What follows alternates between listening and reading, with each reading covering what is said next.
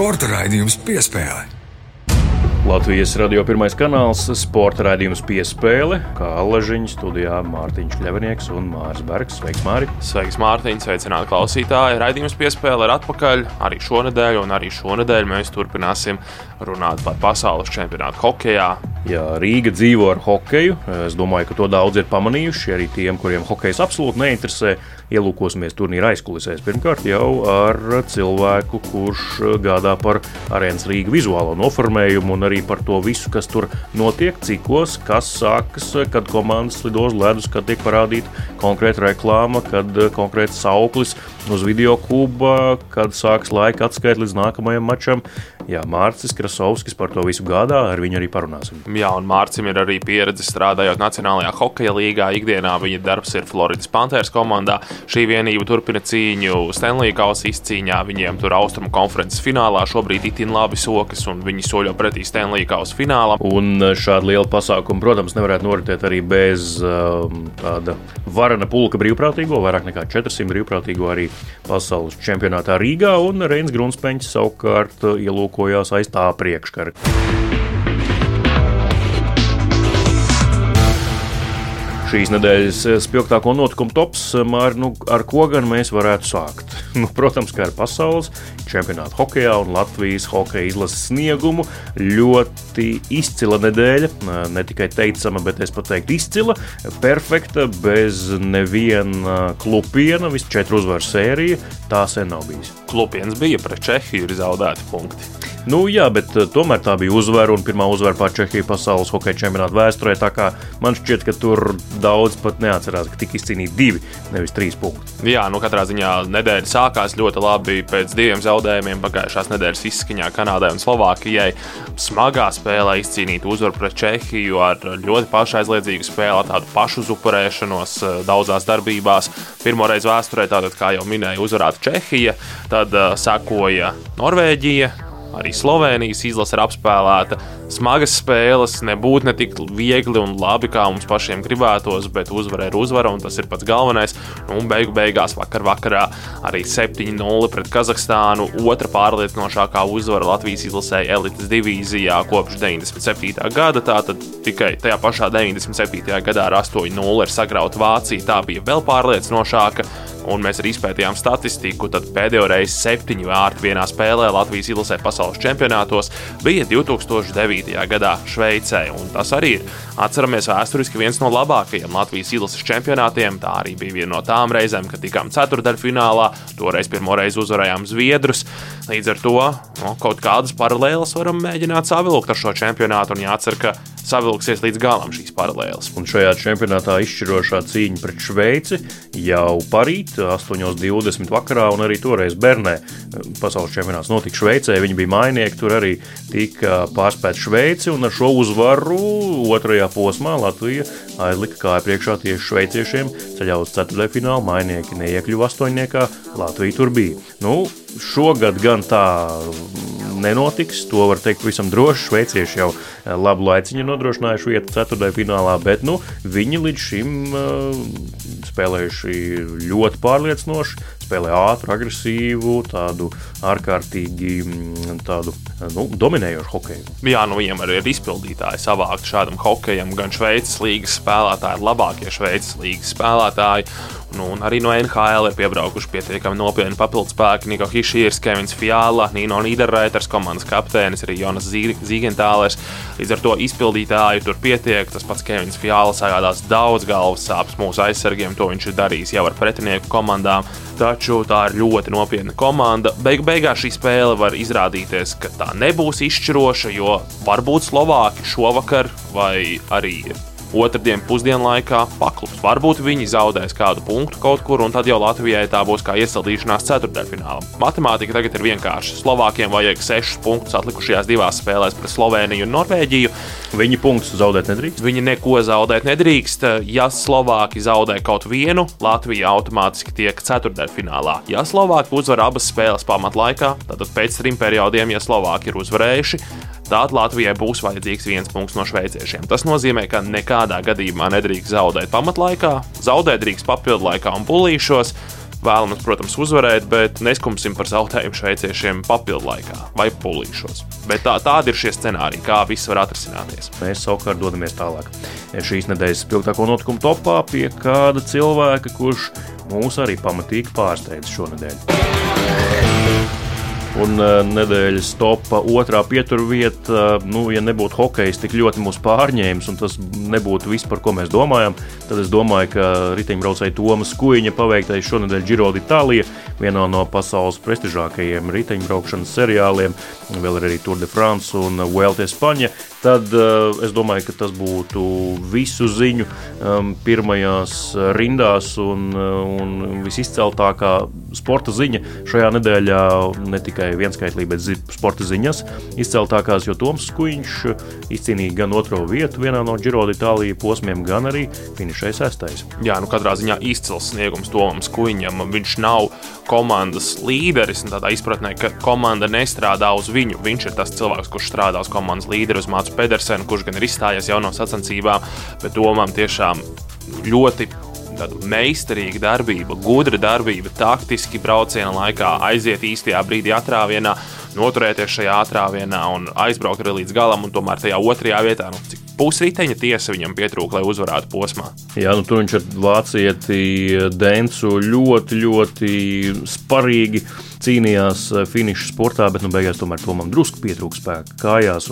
Tāpēc arī vācietis uzvarēja Toms 2. 12. posmā, bet eh, nu, kopumā nekas tāds eh, nebija noticis kopš Romāna Vainsteina laikiem 1999. gadā, kad viņš arī šķiet pat uzvarēja vienā no Giro posmiem.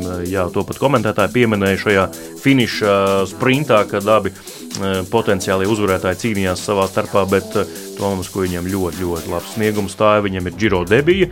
Pirmo reizi viņš piedalās šajās sacensībās un fantastiska debija, jo iepriekš bija arī atceramies trešā vieta un kopumā tāds ļoti labs uh, sniegums. Bet Toms, protams, ar sev raksturīgo humoru pie tam visam uh, sakās, ka nu, gribētu kaut vismaz vienā Giro posmā aizbraukt līdz finišam sausām kājām. Uh, nevis.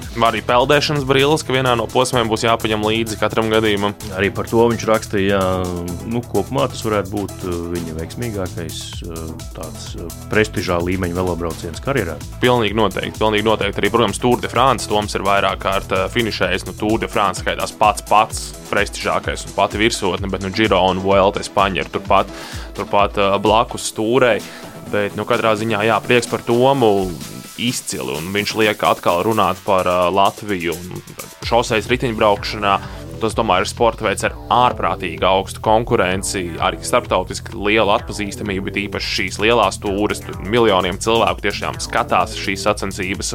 Gribētos teikt, ka Toms Kuņš ir ielicis ļoti, ļoti nopietnus pamatus tam, lai gada beigās viņš pretendētu uz Latvijas gada sportista balvu, jo būs tiešām jāizdara kaut kas izcils lai pārspētu to. Nevajag uzvarēt posmus pat. To, protams, mēs novēlam, lai Tomam atlikušajā tūris daļā to izdodas paveikt, bet uh, tas, ko viņš līdz šim jau izdarījis, tas ir jāspēj novērtēt, cik milzīgā konkurencē tas ir izdarīts. Jā, un cerams, ka vēl ar kaut ko fantastisku Toms Skuiņš mūs iepriecinās. Giro turpinās līdz 28. maijam, tā kā visu nākamo nedēļu mēs sekosim līdzi un arī ziņosim, protams, par Toma sekmēm šajā velo braucienā. Bet mēs savukārt dodamies tālāk pie tēmas tenisa.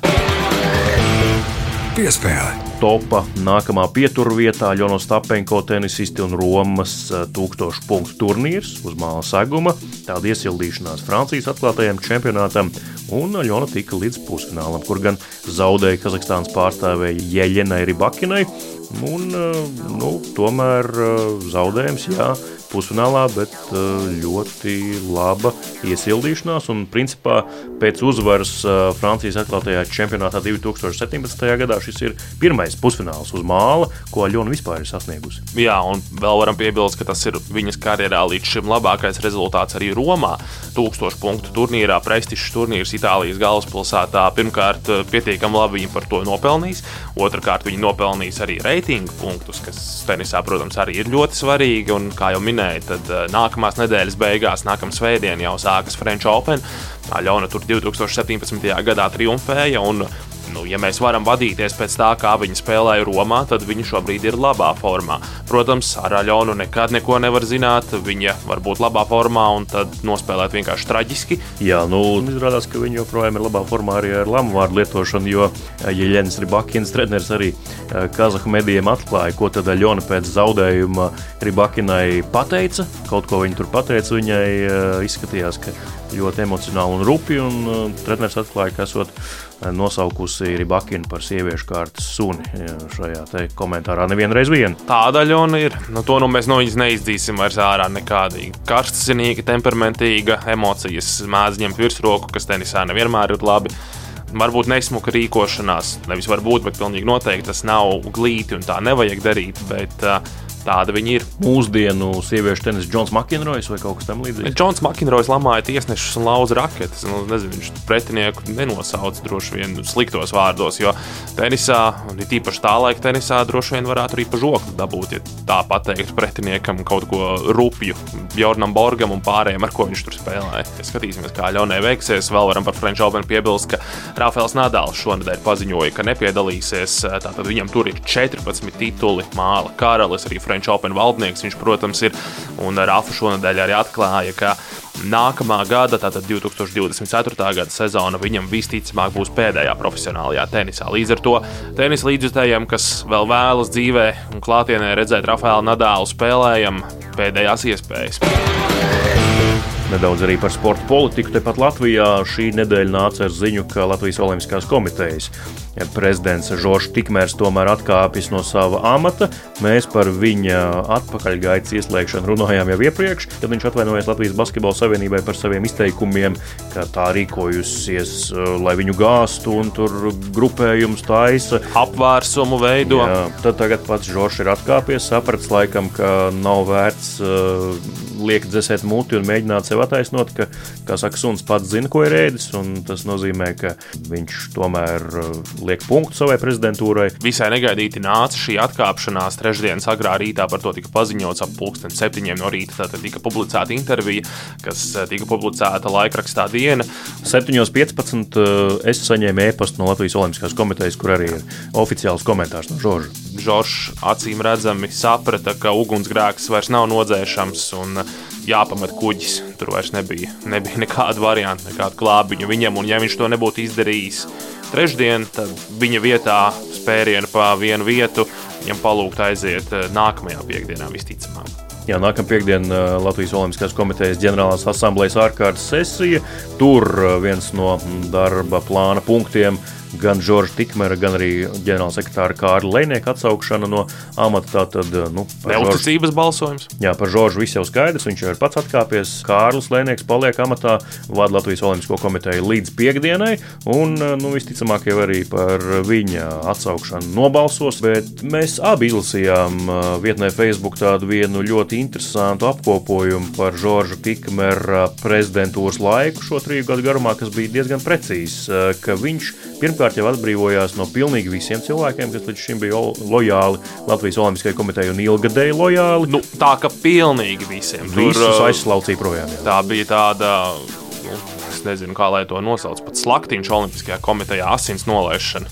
Nu, ne tikai šī tīrīšana Olimpiskajā komitejā, tur arī, protams, viss vadības stils, tur par to ir sporta vide ļoti neapmierināta bijusi. Un kā jau arī pagājušajā nedēļā salīdzināju, tas bija tad kā tāds kūdras ugunsgrēks, tur kaut kur apakšā grūst, grūst, un tad kāds palaist ar benzīnu ka šajā gadījumā bija šis skandāls par iespējamo interešu konfliktu, kas izpaudās. Nu, šī informācija tātad nāca klajā Latvijas televīzijas intervijā. Tas bija tas benzīns, kas ugunsgrēkam lika uzšauties debesīs un uh, piebeidza Žorža Tikmera laiku Olimpiskajā komitejā. Jā, un skaidrs, ka cilvēki ir neapmierināti, jo Žoržs Tikmērs ilgadēji bija Latvijas Olimpiskās komitejas ģenerālsekretārs, un tā labklājība, kas viņam ir šobrīd, nu, to principā nodrošināja tie cilvēki, no kuriem viņš atbrīvojās. Nu, un, ja tu tā izdari, tad skaidrs, ka cilvēki ir neapmierināti. Tā saucas karma vai bumerangs. Bet mēs liekam punktu šīs nedēļas spilgtāko notikumu topām un dodamies pie intervijas.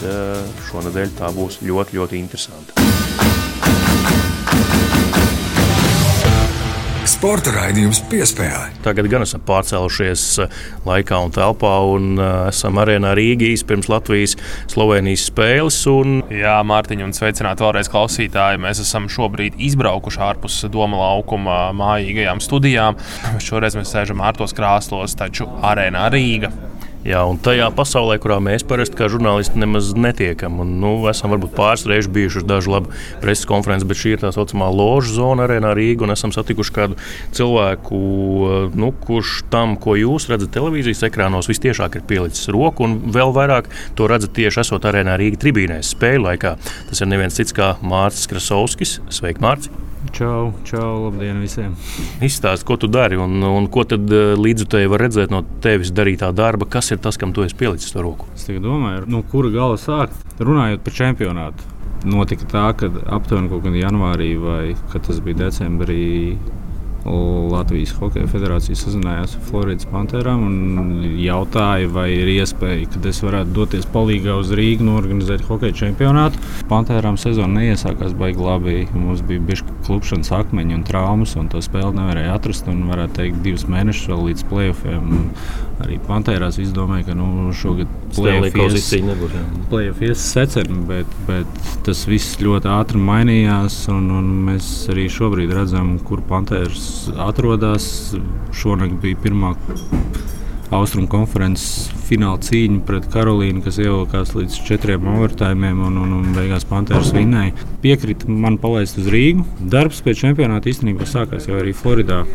Es kādus divus mēnešus komunicēju gan ar Latvijas pusi, gan ar Somijas pusi, pat cik čempionāts notiek gan Somijā, gan Rīgā. Un mēs strādājām pie tā, lai čempionāts vizuāli arī spēļu laikā, lai tas viss izskatītos vienoti un, un pēc IHF prasībām. Tas bija mazliet grūti. Galvenā teikšana tomēr ir Somijam šajā čempionātā un arī to, ko jūs Rīgā redzat. Gan arī visas grafikas un viss, kas ir vizuāli, nav taisītas. Ne es to esmu taisījis, ne, ne, ne Latvijas puikas. Tas viss nāca no Somijas. Es braucu palīdzīgā uz Rīgu, lai mūsu vietējiem latviešu puišiem palīdzētu aptuveni 4-5 dienās saprast, ko no viņiem IHF prasa un kā tās spēles novadīt. Un, un, un tur ir iesaistīti daudz cilvēki, režisori un tie. Kā angļuiski saka, šovkoleri, mēs viņus saucam par diktatoriem, kas sauc visu scenāriju gan informatoriem, gan vakaru vadītājiem, gan dīdžejiem, gan atkārtojumu mašīnas operatoram un visiem pārējiem gaismotājiem, skaņotājiem. Tas nav viegls darbs. Ja to tu ikdienā nedari, tad tev mazliet tas pieklibo sākotnēji, tāpēc ka pašam ir stress. Un, un, un tur viss ir pa sekundēm salikts. Un, un tomēr tā ir televīzijas tiešraide, kas iet uz ļoti daudzām valstīm. Tāpēc tur viss ir ļoti stingri sarakstīts, kā tas ir nepieciešams. Mums bija testa spēles. Testa spēlēm mēs tikām cauri. Es teiktu, ka nu, kaut kādas pirmās divas dienas čempionātā bija grūtas. Mm. Bet Tagad jau, nu, jau esat ieskrējušies. Jā, jā puiši ir apraduši un viņi jau jūtas komfortablāk, viņiem vairs nav stress un viņi Viņi var domāt, kā mēs sakām, ārpus kastes un jau paši kaut ko mazliet improvizēt un likt klāt, lai tas skatītājiem būtu interesantāk. Kā ir ar IHF prasībām, jo NHL nu, tur ir ļoti daudz visādi nianšu. Tur katram periodam kaut kas atšķirās, kaut kas pamainās, kaut kādas mūzikas, video uz katru periodu ir atšķirīgi. Cik atšķirīgas ir NHL un IHF prasības, jo ikdienā tu strādā Floridā. Nu, tu vari ļoti labi salīdzināt, kurš tad ir prasīgāks - amerikāņi vai tomēr uh, Startautiskā hokeja federācija. Mazliet savādāk tas ir. Es, ja man ir jāsalīdzina, tad NHL scenārijs ir reizes piecas sarežģītāks nekā IHF scenārijs. Tā kā tu minēji, tas ir viena iemesla pēc, tāpēc ka NHL katra darbība spēles laikā vai katra aktivitāte spēles laikā ir pārdota piesaistīt sponsoriem. Mums ir visas sezonas garumā ir ļoti liels plāns sastādīts pa, pa katrām dienām, pa katrām spēlēm, kura pozīcija būs kuram sponsoram, un tie sponsori piemēram, maksā to naudu. Un, ja mēs runājam par detaļām, nu, tur, ir, tur piemēram ir pārdotas viss. Nu, tur ir pārdotas tādas lietas kā uh, sākuma sastāvā sešnieki, kad tu sauc tie ir prezentēta, kā viņi saka, prezented by kādu kompāniju. Tad tev ir vairākums, pat, mazākums ir pārdots pilnīgi mazākums, viss. Tev ir uh, pat atkārtojumi, tā kā televīzijās viņus sauc par, par, par vaipiem vai stingeriem, vai nu, tās, tās galviņas, kas izgriežas pirms atkārtojuma beigās. Pat tās ir pārdotas. Mm. Tur ir vispār tāds, tāpēc es saku, pieņemsim, tas scenārijs no savas būtības ir ļoti ļoti piesātinātāks salīdzinājumā ar IHF cilvēku apjoms, kas pie tā strādā. Tas daudzums cilvēku ir daudz lielāks. Uh, Cik ir IHF? Ir, viņiem ir ļoti stingras prasības attiecībā pret savu kā lai nu, sauc, ne gluži brembuku, bet nu, viņu noteikumiem, mm. kas ir viņu sponsori, ko mēs drīkstam, ko mēs nedrīkstam. Un, un kā jau es minēju, tas, tas prasības ir arī stingras, tāpēc ka tas ir tās starptautiskās translācijas. Nu, tas netiek translēts uz vienu valsti, nu, tas ir nezinu, uz 10, 12 vai 16 valstīm. Tas tiek translēts un viņiem ir pienākums iekļauties laikā un arī izpildīt visas IHF saistības ar saviem sponsoriem. Tas nopietnums ir tāds pats, apjoms ir varbūt mazāks un varbūt mazliet darba stils ir mazliet savādāks. Nu, mēs, protams, nevaram salīdzināt ar NHL. Vienkārši mazliet savādāk pieeja, kā tas turnīrs tiek organizēts. Par savu komandu runājot, eh, es pieņemu, ka šeit tava komanda ir stipri, stipri mazāk nekā Floridā, kur visticamāk katrai mazākajai darbībai un katrai pirksta pakustināšanai ir savs cilvēks paredzēts. Tā ir. Es teiktu, reizes gandrīz piecas man tā ir grūti. Absolūtos skaidļos, cik tev ir šeit un cik tev ir Floridā cilvēki. Ja, ja mēs to salīdzinām, var atklāt. Nu, te ir grūti uzreiz saskaitīt. Es aptuveni, man, man šķiet, šeit ir kaut kādi 9, 10 vai 11 cilvēki iesaistīti. Nu, ja es tur, piemēram, skaitu arī informatorus lejā un, un vakar vadītāju, nu, tad Floridā ir nu, ap kādiem 50. Kopā mums kontrola istabā vien ir ap 30 cilvēkiem, tad mums ir vakar vadītāji, mums ir skatuves menedžeri ar savu komandu un vispār. Nu, tur ir aptuveni nu, 50, 60 cilvēkiem tīri uz, uz, uz spēles laikā, uz game prezentāciju. Mm. Nu, tā atšķirība ir liela. Un tas ir arī izskaidrojums, kāpēc tās pirmās čempionāta dienas puišiem bija mazliet tādas stresainas, tāpēc, ka jāizpild ir gandrīz tikpat daudz, nu, mazāk, bet tāpat tas viss ir jāizpild. Un, ja tā pieredze ikdienā nav, tas ir mazliet stresaini. Nu, viņi viņi maliči. Viņi trīs dienas ļoti, ļoti koncentrējās, mazliet varbūt pārdzīvoja kaut ko, kas viņiem nesenāk, bet es teicu, kļūdās visi. Arī NHL cilvēki kļūdās. Bet, bet 3, 4, 5 dienu laikā mēs, mēs reāli nokļuvām tur, kur mums vajag. Un, un šobrīd IHF ir apmierināts ar to, kā čempionāts Rīgā ir norganizēts. Mm čempionātā divu veidu dienas, divu spēļu dienas un trīs spēļu dienas. Vai nu sāks 12, 20 vai 4, 20 pēcpusdienā. Kad sāks jūsu diena, jebkurā no šīm dienām, un kad tā beidzas? Mana diena sākas pirms septiņiem rītā. nu, tāpēc, ka, kā es Neatkarīgi, cik spēles ir tajā dienā. Ja? Nu, nē, tad, kad ir trīs spēļu dienas, tad man aptuveni pirms septiņiem sākās. Tāpēc, man ir tas darbs, ka man ir jāsaliek tas scenārijs diezgan laicīgi. Ir daudz lietas, ko es nevaru izdarīt iepriekšējā vakarā, tāpēc, ka mēs vēl joprojām vienkārši gaidām to saturu no infronta. Un, uh, No rīta savukārt visi gaida scenārijus, ieskaitot komandas, tāpēc viņiem ir jāzina, kad viņi nāks ārā, kuros laikos, pa kuriem vārtiem viņiem jānāk ārā. Tas, tas tā visa informācija, uz ko viņi gaida. Līdz ar to man rīts sākās ātrāk, puiši nāk arī diezgan laicīgi. Nu, trīs spēļu dienas ir grūtas, tāpēc ka mums durvis varēs vaļā stundu pirms spēles. Ja iepriekšējā spēle ievelkās, piemēram, aiziet līdz pagarinājumam, pēcspēles metieniem, tad sanāk tā, ka tā spēle ir beigusies, bet tā laika atskaita ir mazliet vēl jāpielāgo, jo pat nesanāk tā stunda. Puisiem tādā ziņā viņiem arī nav viegli, tāpēc ka viņiem ir jāmēģina kaut kādā starplaikā paēst. Mēs te varējām visādi ar maiņām, lai, lai, lai čaļi varētu paēst. Viņiem aptuveni 5 vai 7 minūtes laika paēst starp spēlēm. Tā kā tas čempionāts, tā gaita, tas ritms, viņš, viņš nav viegls. Nu, katrs to savu ādu izjūt, jo trīs spēles dienā nu, tas ir. Cikos jūs finšējat, tik līdz kā spēle beidzas, lēnā garā sakravājaties un dodaties prom, vai ir vēl kādi darbiņi, kas paliek arī pēc pēdējās spēles, kas ar pusi 11. vakarā beidzās? Nu, es teiktu, tā mūsu spēles aptuveni, kad es pūksteni skatos, kad tā mūsu programma ir beigusies, ir aptuveni tagad, saka, kaut kur 11. Tad mums ir uh, vēl ikdienas, katras dienas kā, pēc spēļu dienas sapulce. Mēs visi satiekamies, vai mēs visi pieslēdzamies attālināti, un mēs uh, video zvanos izrunājam kaut kādas esošās problēmas, kas mums ir jārisina. Pirmajās dienās tas bija vairāk, tas sapulces bija bijis garāks. Nu, šobrīd viss jau sāk iet savu gaitu. Mums tādu paziņojumu ļoti daudz nav kaut kādas problēmas, ko risināt. Diezgan mierīgi viss ir. Bet, bet pirmās čempionāta dienas tā arī bija. Nu, kad pieņemsim uz viesnīcu, tiec kaut kur ap 1.30 naktī. Tu aizēji gulēt kaut kur bez 10, bez 15, 2, mosties pirms 7, un nākamā diena sākās. Vai tas, kas notiek šeit, scenārijs, izkārtojums, tas, kas hallē darās kā pasākums, vai tas tīri uz latviešiem? Mums ir kopējais scenārijs, pie kā mēs pieturamies pēc tiem saucamajiem timingiem, laikiem, kas ir vajadzīgi televīzijai, bet kaut kādas aktivitātes vai, vai, vai kā jau teicu, video saturs mēs paši domājam, kas šeit notiek. Tas vizuālais viss, kā tu teici, tas nāca no Somijas. Mēs savu pirkstu tur pielikt nevarējām, un, un baigi iebilst arī neko nevarējām. Tas viss, ko jūs redzat, tas ir somu veikums. Varbūt pavērtē šo grafiku kvalitāti, cik tās ir labas, veiksmīgas, izdevušās. Ir, nav labi. Somija neklausās.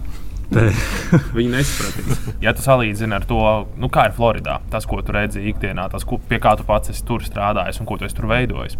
Floridā prasības ir daudz augstākas. Ar šādu veidu grafikām mēs Floridā cauri netiktu. Mums tā latiņa ir diezgan augstāka tajā procesā, kad mēs ar Somiem runājām par šīm grafikām, es, kā, es mēģināju ieminēties, protams, bet es negribēju arī uzspiest no savas puses neko, tāpēc ka man tāda teikšana, nu, nu, tā īsti nav mana teikšana. Viņiem norādīt, ko viņiem darīt, vai kā viņiem darīt, vai ko nedarīt. Bet uh, grafiks varēja būt labāks. Nu, viņas ir diezgan vienkāršs. Šeit ir arī mazliet jāpiemina tas, ka IHF ir savas prasības arī attiecībā uz grafikām. Ja NHL, piemēram, visas šādas animācijas spēles laikā drīkst būt kustīgas, un jo kustīgākas, jo labāk, jo tas ir šovs.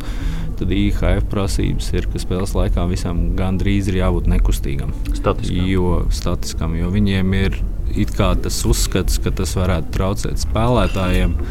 Kā mēs personīgi nepiekrītu, jo visi NHL līnijas spēlē, tur viss kustās ņib un, un raustās tie, tie ekrāni, un nevienam nekas netraucē. Mm. Tas ir vairāk šausmas. Nu, šeit viņi uzspiež to, ka visam ir jābūt nekustīgam, tāpēc varbūt arī tās grafikas šķiet mazliet garlaicīgas. Temats, es nezinu, vai tu esi kompetents atbildēt vai nē. Mēs ar Māriju ēterā ļoti daudz par to esam runājuši. Pēdējā laikā mūzika arēnā Rīgā ārkārtīgi maz latviešu dziesmu skan. Arī IHF mūzikas tāda, nu, kā saka, ir savs mūzikas saraksts, ko drīkst, ko nedrīkst spēlēt. Es neesmu sen bijis arēnā Rīgā. Pirms gada biju, biju uz basketbola spēli Un basketbola spēles vienmēr atceros, ka ir tikai latviešu mūzika. Jā, tas ir basketbola savienības noteikums. Jā, jā nu, līdz ar to, ja mums ir jāsalīdzina basketbola spēle ar hokeja spēli šobrīd, tad varētu teikt, jā, ka latviešu mūzikas nav. Man ir grūti atbildēt uz šo. Es domāju, ka nē, latviešu mūzika nav aizliegta, bet ir, ir nosacījums, cik viņai ir jābūt proporcionāli pret pasaules mūziku. Tāpēc, ka uz čempionātu tomēr nāk arī tie citu valstu fani, kas šobrīd ir Rīgā un pārliecinājuši šajās dienās, ka nav tā tā, ka tikai nu, nezinu, norvēģi fani vai kanādiešu fani nāk tikai uz savām spēlēm. Viņi nāk arī uz citām spēlēm, skatās. Un tāpat arī latvieši iet uz citu valstu spēlēm. Es arī pamanīju. Iespējams, varbūt uz atlikušajām Latvijas spēlēm būs mazliet vairāk latviešu mūzikas, bet tāpat tās būs, būs sabalansēta ar vispasaules mūziku. Hmm. Kāds būs tavs darba tāds patīkamais rezultāts? Es būšu gandarīts, ka Latvijā ir noticis vēl viens hokeja čempionāts tie ir pilnvērtīgs ar skatītājiem. Jā. Beidzot, jau iepriekšējais, nu, lai kā gribētos viņu nosaukt par čempionātu, tur bija rūkta sajūta un pēcgarša, tāpēc, ka, diemžēl, pandēmijā nu, pie tukšām tribīnēm spēlēt. Tad, kad bija tā viena spēle, kad atnāca, kad, cik bija 500 skatītāji? 900, man liekas, Latvijā, Vācijā. Tā, ka, nu, nu, tā uz emocijām rāva, ka stāvēja un likās, es domāju, čaļiem laukumā un visiem pārējiem bezmazliet asars skrēja, jo tas ir mazliet savādāk. Šogad ir beidzot ir čempionāts beidzot ir līdzjutēji. Es, es, es vienkārši nezinu, es palūgtu visiem Latvijas iedzīvotājiem novērtēt to, ka tāda hokeja svētki šeit notiek. Protams, varbūt mums ir kaut kādas nērtības, mums ir sastrēgumi, varbūt ir kaut kāds skaļums no, no fanu zonas vai kas. Bet nu, nu, cik bieži šādi svētki notiek? Nu, nebūs tuvākos desmit gadus, es domāju, Latvijā nākamais pasaules čempionāts. Tāpēc izbaudām, kamēr viņš vēl ir. Izbaudām labu hokeju, jo hokejs Latvijā mums arī šobrīd ir mazāk. Vienkārši baudiet šo spēli, skatieties hokeju un jūtiet savai komandai līdzi. Un tas arī ir man gandarījums, ka mani palaida un ka es varēju atbraukt savai Latvijas komandai palīgā. Ar Latvijas komandu es arī domāju, visas rīkotājs un viss, nu, tāpēc, ka tie ir, ir latvieši, kas rīko. Mm. Tāpēc, tāpēc man tas ir, ir gandarījums aizbraucot atpakaļ uz Floridu, būs laba darba padarīt sajūtu. Paldies! Mārcis Krasovskis, Arēnas Rīga, Ložu zona, Mārcis Bergs, Mārtiņš Kļavnieks. Mēs te neiedaramies īsti, tāpēc dosimies prom uz mūsu žurnālistu zonu. Bet paldies, ka ielaidi mūs arī šeit, Mārcis, paskatīties un parunāt ar tevi. Tad jau tiekamies kā citu reizi droši vien. Jā, noteikti. Jā, paldies, Mārcis, uz tikšanos! Latvijas radio pirmais kanāls, sporta raidījums piespēle, svētdiena studijā Mārtiņš Kļavinieks un Mārs Bergs. Tāda lūk saruna ar Mārci Krasovski, bet uh, mēs paliekam arēnas Rīga aizkulisēs un uh, kolēģis Reins Grunspēņš turpinās tēmatu par to, ko mēs neredzam un nedzirdam turnīra laikā, bet ko mēs jūtam. Un uh, Reinis šajā reizē aprunājās ar vienu no brīvprātīgajiem, ar Dāvidu Akšu, kurš pats ir izbijis hokejists un tagad uh, jā, darbojas kā brīvprātīgais pasaules čempionātā. Bet tagad laiks klausīties. Kas lācītim vēderā? Sveicināti raidījuma piespēle klausītāji. Šobrīd eh, atrodamies eh, tieši pie arēnas Rīga. Līdz eh, spēlei šīs sarunas ierakstīšanas brīdī ir palikušas vēl aptuveni divas stundas, mazliet vairāk. Liela rosība jau ir pie arēnas. Ne tikai līdzekļi, bet arī brīvprātīgie šeit darbojas, rūpējas par to, lai noritētu viss gludi šajā čempionātā. Un, lai uzzinātu vairāk par viņu darbu un par šīm aizkulisēm, uz sarunu esmu aicinājis pasaules čempionāta brīvprātīgo koordinātori Līgu Avenus. Sveika, Līga! Sveiki! Jā, nu iesākumā varbūt uh, pastāstīt, cik daudz vispār ir brīvprātīgo šajā čempionātā. Mums ir uh, aptuveni 400 brīvprātīgie. Un viņi ir sadalīti, man liekas, ja nemaldos, kādās 16 pozīcijās. 16 dažādi darbi viņiem ir jādara. Aktivitāte bija tieši tik, cik mums apmēram arī vajadzēja. Šogad mums pieteicās vairāk kā 800. Paņēmām, jā, mums sanāk nu puse. 400 mums ir palīgi. Par tiem pašiem darbiem varbūt sīkāk pastāstiet. Jūs teicāt, kopā 16 pozīcijas ir. Parasti tā pozīcija, kas, uz kuru vienmēr visvairāk grib pieteikties, ir team host, kas ir komanda atašai. Viņiem ir tā, ka viņi dzīvo ar komandu viesnīcā un viņi ikdienā menedžē visus grafikus, ēdināšanas laikus, izbraukšanas, atbraukšanas, uzkodas, visu, visu par komandām. Un otra tāda pieprasītākā ir team service. Tie ir puiši, kas nodrošina visu, kas notiek gardrobēs. Viņi netīrās formas vajadz mazgātavi, sausās ved atpakaļ, viss par dvieļiem, ūdeņiem, uzkodām, līdz pat kaut kādām nezinu, līmlentām, ko viņi tina ap, ap nūjām un viss, viss kas ir ar ģērbtuves. Tad vēl mums ir, piemēram, hostes un hospitality. Tie strādā ar VIP zonā, ar VIP viesiem. Viņiem arī skanē biļetes, dod aproces, sniedz informāciju par čempionātu. Vieta ierādītāja atkal sektorā sagaida apmeklētājus un palīdz viņiem atrast savu sēdvietu. Viņiem ir viens interesants uzdevums, jo šajā spēlē ir čipotas ripas uz spēlēm. Viņām attiecīgi ir jāsamaina tās ripas pret suvenīru ripām. Tā kā ir tāds atbildīgs uzdevums, ļoti sekot līdz spēlē. Viņa ripa ir ārā, izlidojas no laukuma, tad viņa viņam jāsamaina un jāredz, jāpamana. Es kā galvenais ārsts varu pateikt, viņa ir labākā. Labi, paldies, Roberts Furmans. Bez, bez viņas mēs šeit, kā teikt, nebūtu pēduši, nebūtu aprūpēti, un viņa ir vislabākais cilvēks šeit. super, super. Kā jūs noskatāt to sadalījumu, varbūt brīvprātīgajiem, kurš par ko būs atbildīgs? Šis man ir sestais čempionāts vispār, kā brīvprātīgā koordinātora. Līdz ar to Latvijā tie brīvprātīgie nu, pārsvarā ir kaut kāda daļa, kura visu laiku ir visos pasākumos. Un, attiecīgi, es viņu zinu, es ar viņiem esmu strādājis un zinu, ko kuram var uzticēt. Bet ir arī jauni, bet tur es skatos pēc viņu pieredzes, ko viņi darījuši pirms tam vai kur viņi strādā, kas ir viņu ikdienas darbi un, attiecīgi, ko mēs viņiem varētu piedāvāt čempionātā. Daudz noteikti piesakās arī ar tādu motivāciju, ka varēs pa brīvu iet skatīties spēles. Cik daudz vispār brīvprātīgiem ir tā skatīšanās, sanāk tam hokeju redzēt un cik viņam brīvā laika šeit ir? Nu, brīvais laiks viņiem ir, jo viņi, mēs strādājam pārstāvā divās maiņās. Viņiem ir rīta maiņa un vakara maiņa. Un, attiecīgi, ja teiksim, ir spēles tikai divas no šodien, tad uh, viņi skatītāji nāk iekšā 3.20. Līdz ar to pirms tam viss rīts viņiem ir brīvs. Un tādā ziņā nav tā noslodze tik liela. Eh, Bet, ja runājam par spēļu skatīšanos, tad uh, viņiem ir tā unikālā iespēja, ka, ja ir brīva vieta arēnā, viņi droši var iet un sēdēt. Ja kāds atnāk ar biļeti konkrētā vietā, viņi pārsēžas blakus, kur ir brīva vieta. Tas, protams, nav iespējams soldāt spēlēs, kas bija ar Kanādu, kad bija viss izpārdots, jo tur fiziski nebija vietas, kur apsēsties. Bet, ir vieta, tā ir viņu iespēja iet un baudīt hokeju. Jā, mēs esam tagad tieši pie lielās fanu zonas, uh, kur vēl ir pavisam tukša bez skatītājiem. Bet, uh, Jā, varbūt šeit mazliet pastāstīja, kurš šeit ir brīvprātīgie no visiem šeit un kāda ir viņa pienākuma tieši šajā zonā. Nu, fanu zona vairāk tie brīvprātīgi ir kā infocentrs staigājošie. Fanu zonā ir gan lielā skatuve, gan koncertu un ekrāna, kur var skatīties spēles tiešraidē, e, gan ir aktivitāšu zonas. Un, attiecīgi, mūsu palīgi viņi ir šeit. Ja kādam ir kaut kādi jautājumi par aktivitātēm, vai kaut kādi jautājumi par spēlēm, vai cikos atvērsies e, arēnai durvis, tad viņi ir tie, kas atbild uz šiem visiem jautājumiem. Mans uzdevums ir arī katrā spēlē apbalvot vienu no labākajiem brīvprātīgajiem.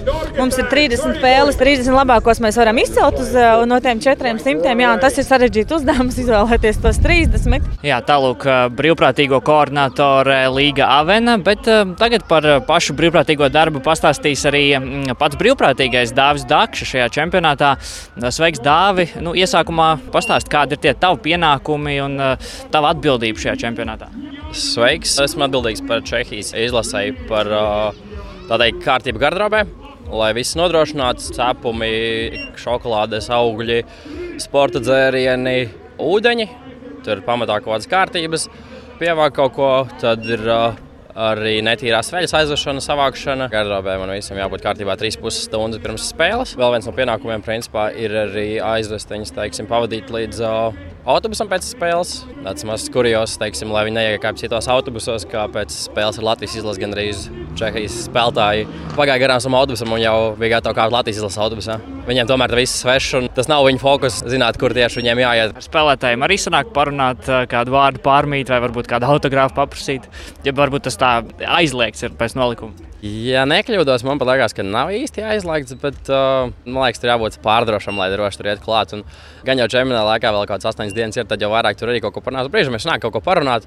Ir, ir tādi, kas atvērtāki, teiksim, starp menedžeriem. Tur uh, tas pats treneris Mārtiņš Erats, Čehijas izlases, tur kaut ko parunājām, pastāstīja, kā viņš 6. gadā pats bija Rīgā, kā viņš atcerās to visu. Un, Bet man liekas, spēlētāji bija aizņemtāki, un tāpēc arī viens no aspektiem, kāpēc baigi negribās tur iet klāt un, un traucēt. Čaļi gatavojās spēlēm, teiksim, arī. Ir tīpaši pēc Latvijas izlases spēles. Tu, Es tādās divējās sajūtās, jo ir kā tavā komanda, bet tu, es no pretējās nometnes. Līdz ar to arī tur vēl mazāk gribējās rādīties acī, lai ne, nedabūtu iekšās par to, ka pretinieks te lien. Kādi ir tie čehi, tādi prasīgi pret visu to, ko brīvprātīgā dara, ja tā mierīgi pieietam? Man liekas, sākumā viņi bija bijuši prasīgāki. Tagad ir iegājuši tādās lietās, saprot, kas tiek dots, ko mēs varam sagādāt, cik tālu sniedzās mūsu pašu rokas. Nē, kaut ko paprasa, bet uh, teorētiski es domāju, ka viņi paši atbraukuši ļoti sagatavojušies. Tomēr viena no no teiksim, favorītu komandām. Viņiem pašiem ekipējums un inventārs ir ļoti daudz līdzi. Ja tā niansēta par tavu darbu tieši šeit, pieminēja, ka rīpas ir jāsagādā pirms treniņa un spēlēm attiecīgā daudzumā. Cik ir tas rīpu skaits, cik jābūt? Pirms spēles šobrīd ir uh, 40 rīpas. Sākotnēji tur bija gan 50 rīpas, bet sapratu, ka ļoti daudz rīpas aiziet tribīnēs, aiziet faniem. Un, uh, Neteikšu, ka uztraukums, bet tās ripas uh, var nepietikt. Tomēr fani arī grib. Un, kā tās, protams, iesildīšanās ripas spēlētāji droši tur dod. Un, un arī kāda tāpat nejauši, protams, izlot tribīnēs. Tur arī ir kāda liela ripu glabātu. Ir tāds kluss stūrīts, kur stāv kaudz ar kastēm, bet uh, tā ļoti ātri sarūktas daudzums. Par pēc spēlēm netīrajām apģērbiem, kas jānes uz mazgātu, cik tā mazgāšanas telpa ir liela, cik tur ir veļas mašīnas un cik tur cilvēki darbojās. Varbūt. Tur tādas uh, trīs milzīgas iedomājieties, standarta veļas mašīna, tad es teiktu, viena veļas mašīna ir reizes pieci. Tā ir diezgan milzīga, lai diezgan optimāli, jo tomēr dienā ir, uh, ir divas spēles, tur no rīta treniņa katrai komandai līdz ar to, lai ļoti kompakti un ļoti ātri to visu varētu izdarīt. Okay, super, paldies. Un tad, lai izdodas līdz čempionāta beigām, visu izdarīt un lai viss norit gludi. Paldies! Paldies! Priekā!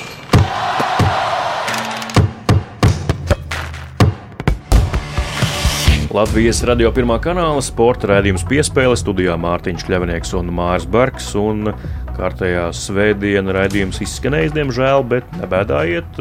Klausieties raidījumu piespēli arī visās uh, iespējamajās raidierakstu vietnēs. Tur to var darīt jebkurā laikā, bet mēs būsim atpakaļ jau nākamā svētdiena. Šajā pašā laikā, šajā pašā vietā, kad ciemos pie mums nāks Latvijas hokeja leģenda. Jā, pie mums ieradīsies Latvijas hokeja leģenda un arī Latvijas radio leģenda, jo nākamā ir mēneša pēdējā svētdiena, un tas nozīmē tikai vienu. Gunārs Jākapsons un rubrika ciemos pie Gunāra Jākapsona arī šajā mēnesī, un uh, varat mēģināt izdomāt, kurš tas būs.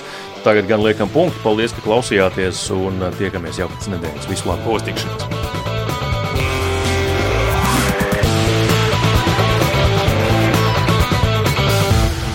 Sporta raidījums piespēlē.